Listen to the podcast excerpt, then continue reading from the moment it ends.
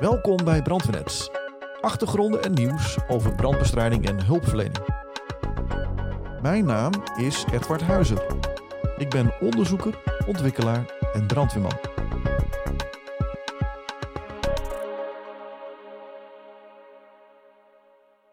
Wat zijn de eisen waaraan een smokeblokker moet voldoen? Kan hiermee branduitbreiding worden voorkomen? Welke verbeteringen kunnen we nog verwachten? En zijn er nog andere creatieve toepassingen mogelijk? Allemaal praktische vragen die in deze laatste aflevering worden beantwoord. In dit interview met Michael Rijk. Ook bespreken we met hem in welke situaties het gebruik van de smokeblokker mogelijk gevaarlijk is. We ronden ons interview met Michael af met de vraag waarom veel landen de smokeblokker nog niet kennen.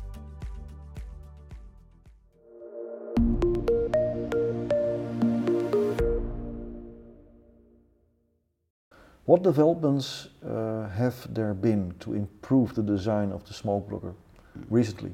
Yeah, recently. Okay, at the beginning, in the first two years, there have been a lot of, from our point of view, stupid ideas which have been uh, not working or have been too difficult. Uh, in the last 10 years, there wasn't much development. We had two or three fires that have been very severe fires. Um, therefore, there has have been a, a, metal bracket to additionally connect uh, the fabric to the metal frame in case that the Velcro, which is part of it, of the connection, is destroyed by the fire. So it's called a smoke blocker and not a fire blocker. But we had have situations in Germany where the entrance door was totally taken by the fire. It was basically a flame, flaming combustion at the entrance door. So the fire service, because they had multiple people above the fire floor, uh, they mounted the smoke blocker into the fire in the entrance door, which is possible, but we realized that this will destroy the tool in this situation. But if you destroy one or two curtains, but you are able to rescue people and save their lives, I think it should be worth it.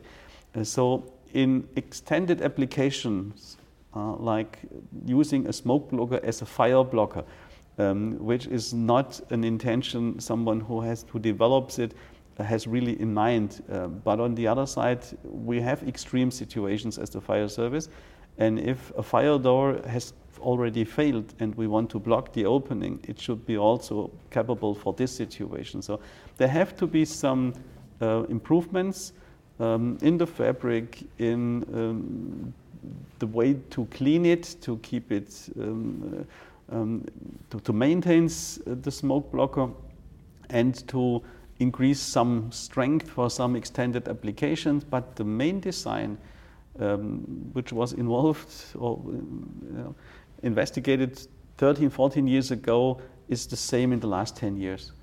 Uh, there hasn't, hasn't been much improvement in the last 10 years. I think the product, and this is something if you show the product to someone and says, well, this is a new idea, this is something new for him, uh, he always comes to, oh, we should change these or these things. Then it would, it would work. And I told him, well, since 15 years we work with it, and all these ideas is, are already in the product. And it, we know it's a compromise, so everyone looks at it a little difficult, but the, pro the product is finished. Uh, the smoke blocker is a product which I think absolutely fits to the purpose. Uh, and some people want to block a door totally.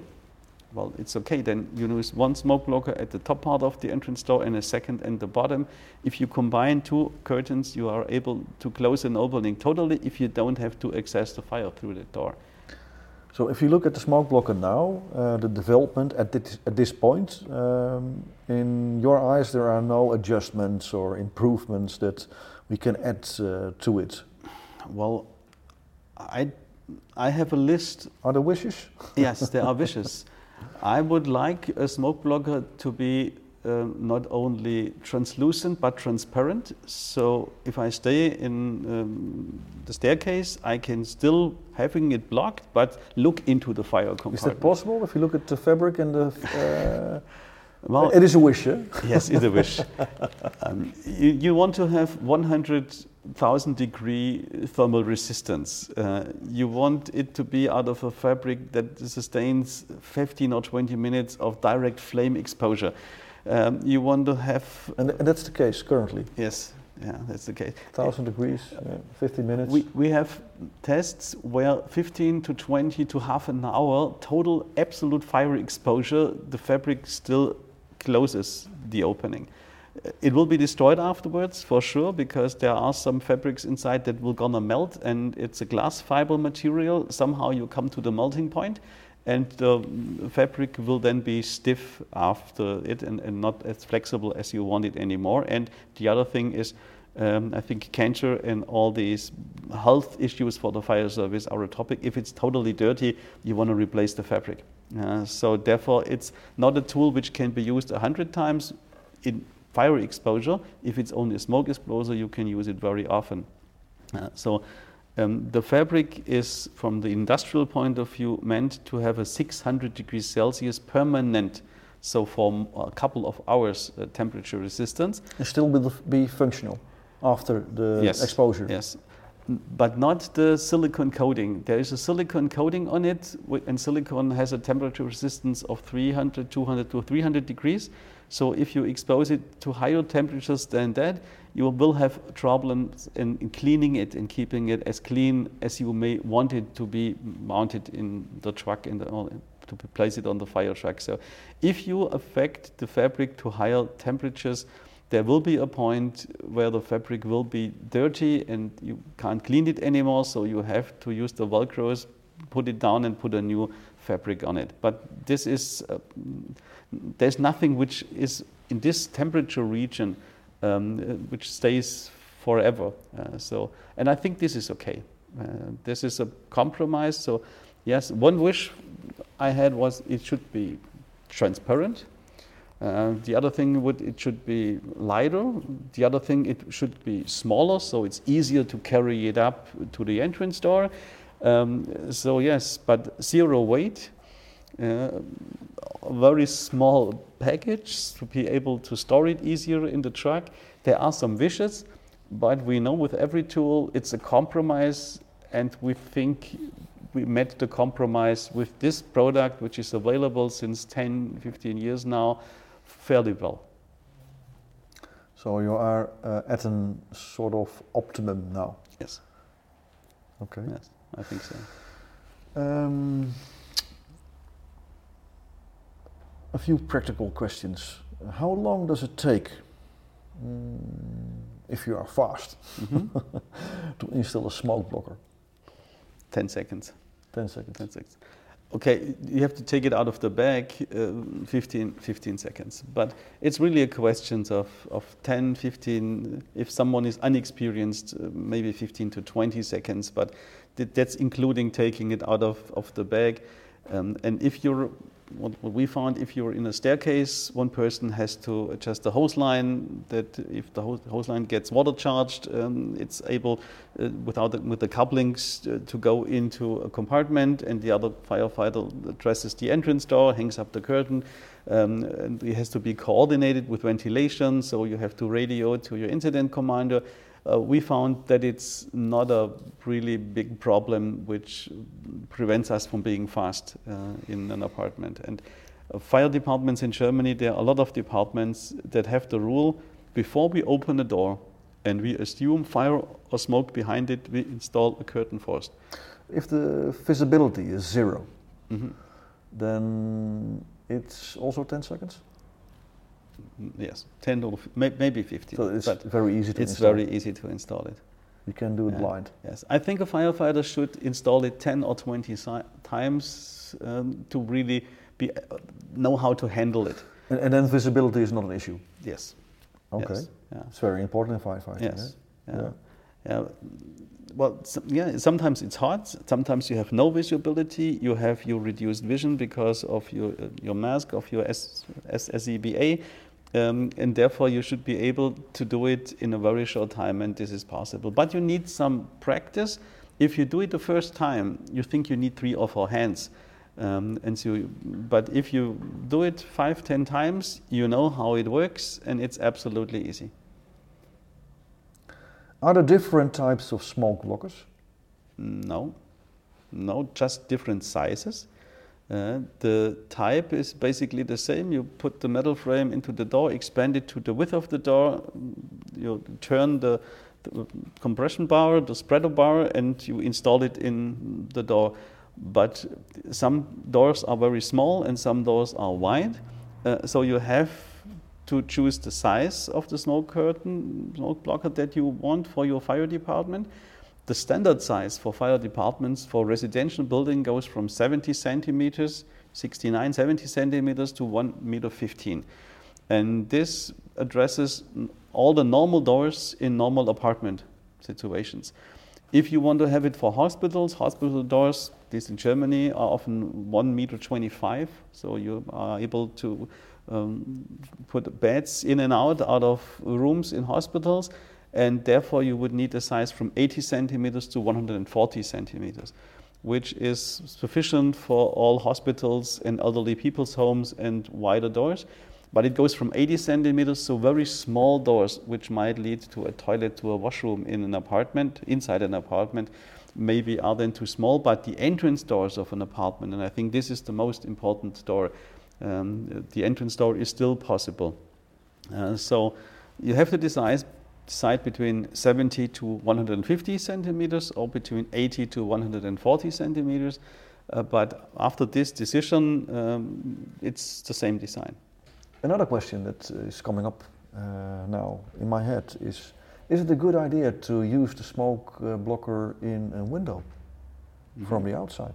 Mm -hmm if you have an aerial truck and you come with your aerial truck and on a bucket and you are able to mount it into a window, it might be possible, but I don't think that it, it is that practical in our Central Europe point of view, like Germany, Austria, Switzerland, and I include Benelux countries, Netherlands, Belgium, and, and, and France into it. With our built environments, um, we normally attack a fire from the staircase because people, civilians, try to leave a building through the staircase. So we should control and check the staircase in case people are there and they are in the smoke. So we want to get control on the staircase. Um, then we can decide to leave people on upper floors because the stairway is Tot secured. Totally agree with that. Yes. Yeah. Uh, and therefore, our main work will deal within the staircase. Um, and if we block the entrance door from the staircase to the fire compartment, and even if there is a normal wind, um, we are still able, able with one or two smoke curtains, if we control the entrance door, to keep the smoke out of the staircase in connection with the use of positive pressure fans for the staircase you are totally right. In a very strong wind situation, wind driven, wind driven fire, yeah. it might be an option. Pressure, pressure side of the building. Yes, it might be an option, but sometimes windows are even wider.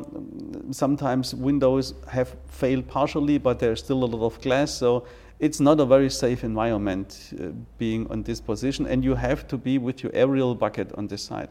And if you can access a building from this position, you can also use the mainstream of, uh, from the bucket of your aerial and apply water from the outside and keep the entrance doors closed.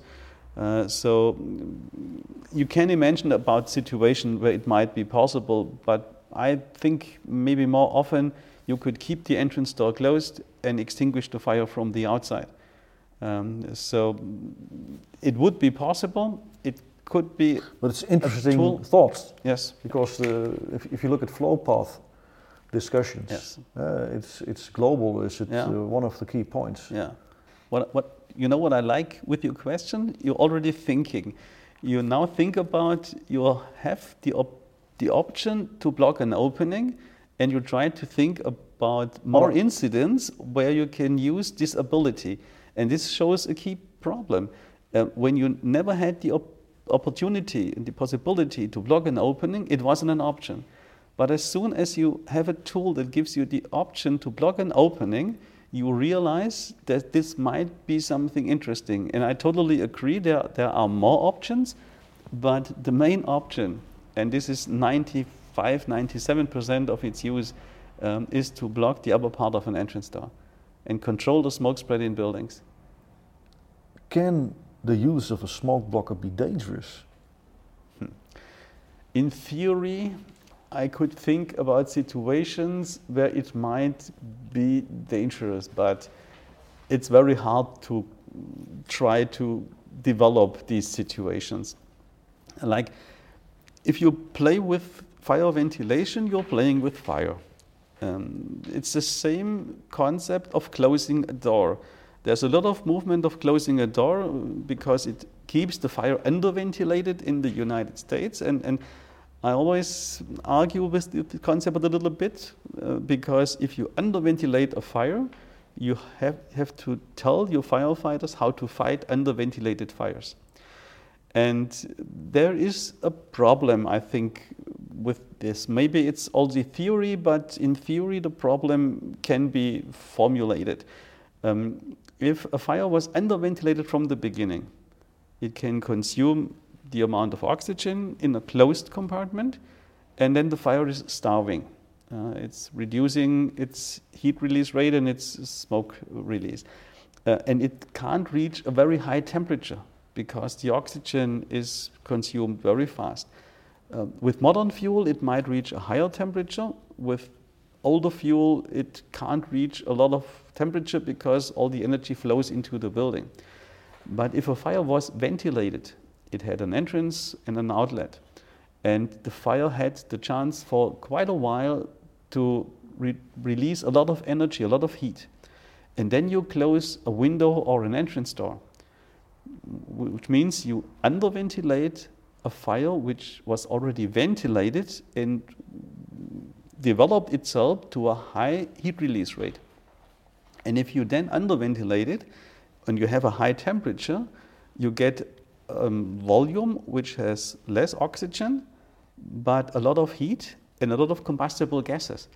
And this is a situation which you must be able to handle because if you then reopen this box to go in and fight the fire, then you allow oxygen to flow into a fire which has a hot atmosphere, a lot of combustible gases, and now you're introducing oxygen.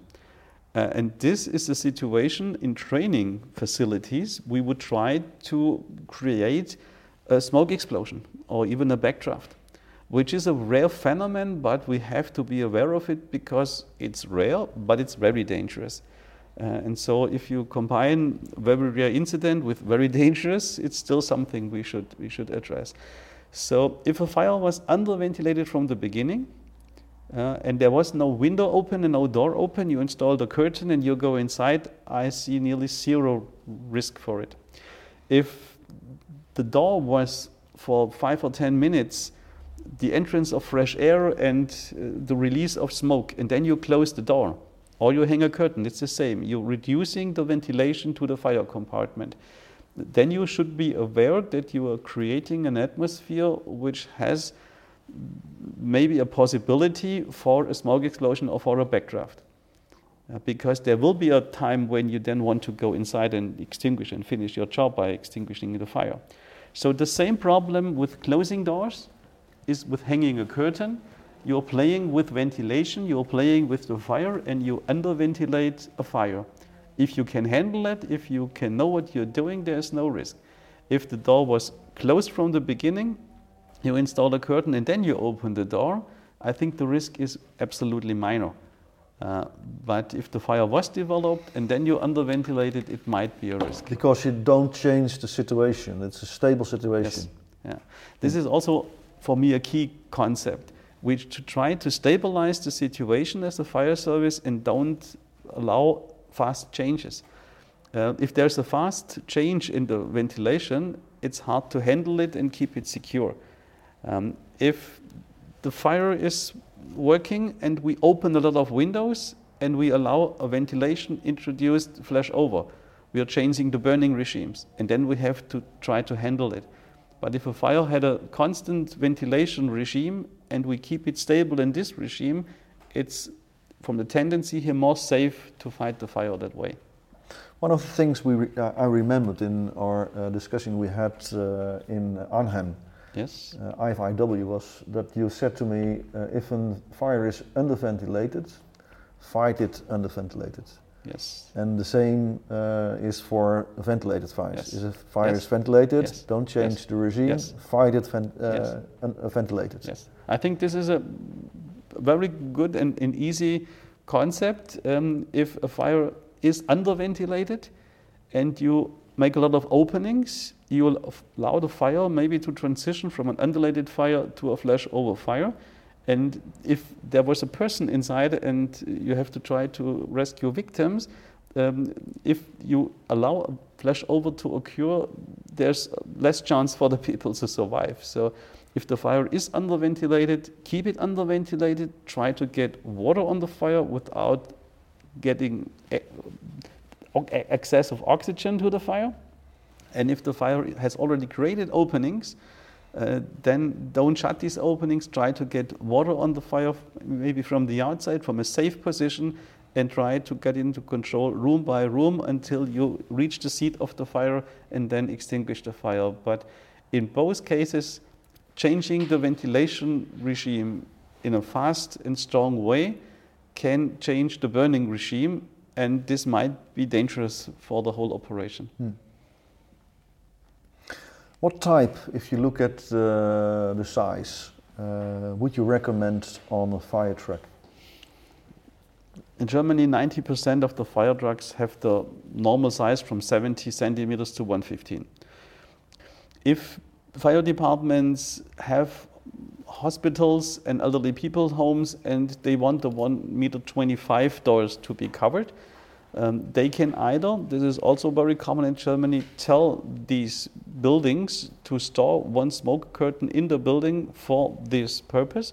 So hospitals, uh, elderly people's homes with um, fire alarm systems sometimes have one smoke curtain placed at the dispatching center for the fire service um, in, in this position.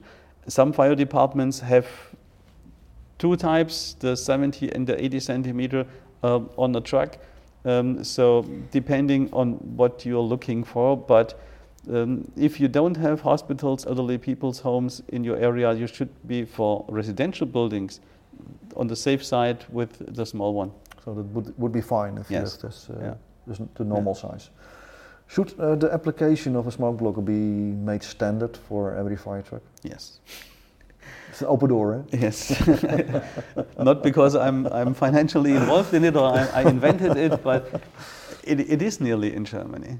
Uh, Yeah. In Germany, it's a standard approach. If you look for Berlin or if you look at Munich, if you look at the big departments, they use it all the time as a standard procedure because in 99% it makes the situation stable. It makes uh, the situation don't turn into a very worse situation and it keeps the problem where it is and the smoke uh, where it is. So um, it makes firefighting, I think, safer for civilians and for the fire service. So it should be a standard approach.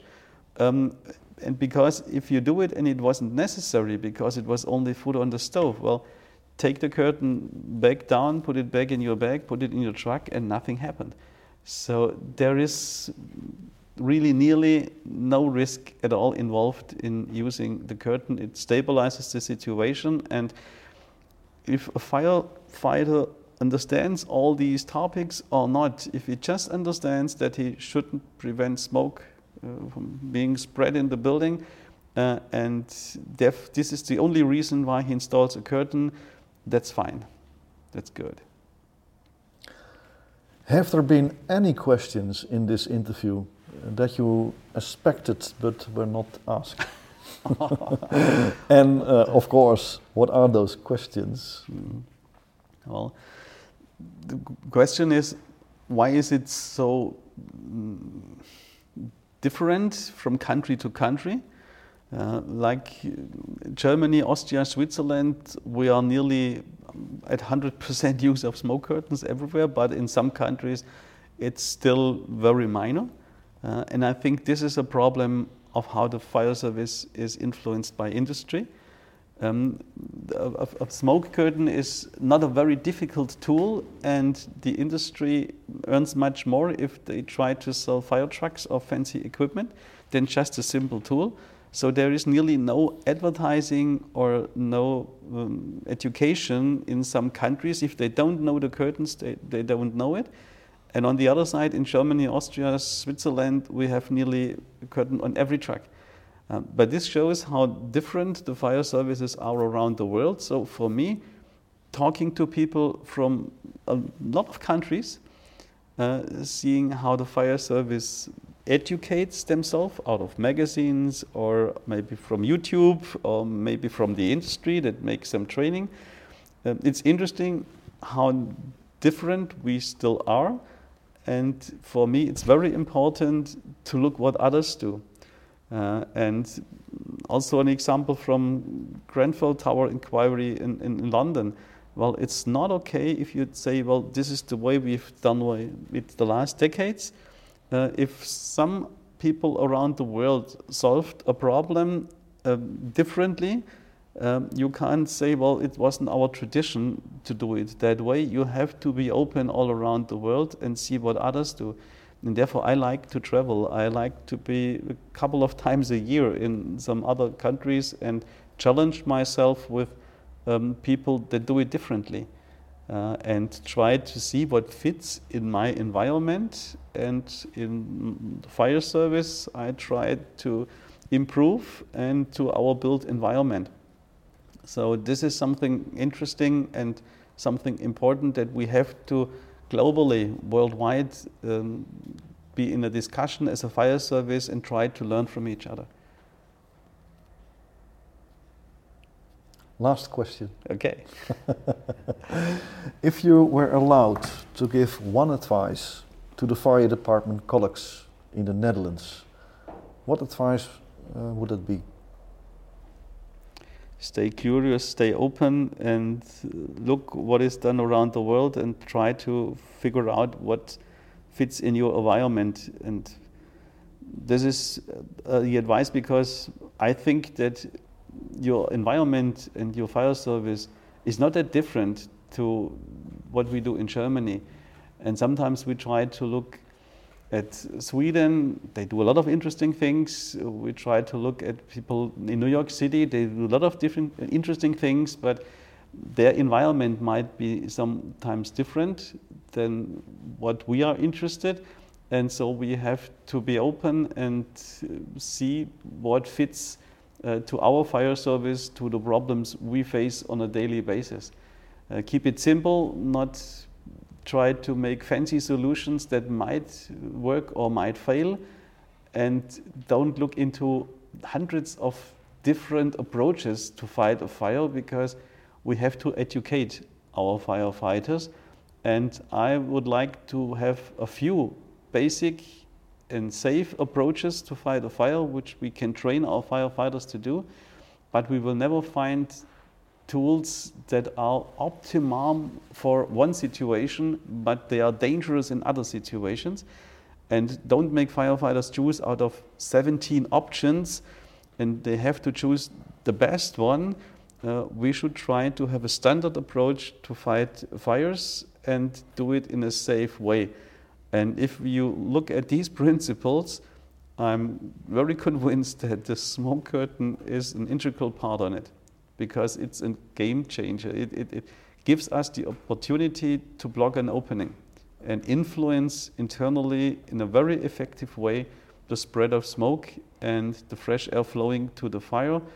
Uh, and this is a substantial part. Michael, we appreciated very much what you did and do for the fire service, not only for Germany, but global. Mm-hmm. I was, I felt very welcomed and I felt very interested in, in the topic. So, no, thank you also on my side.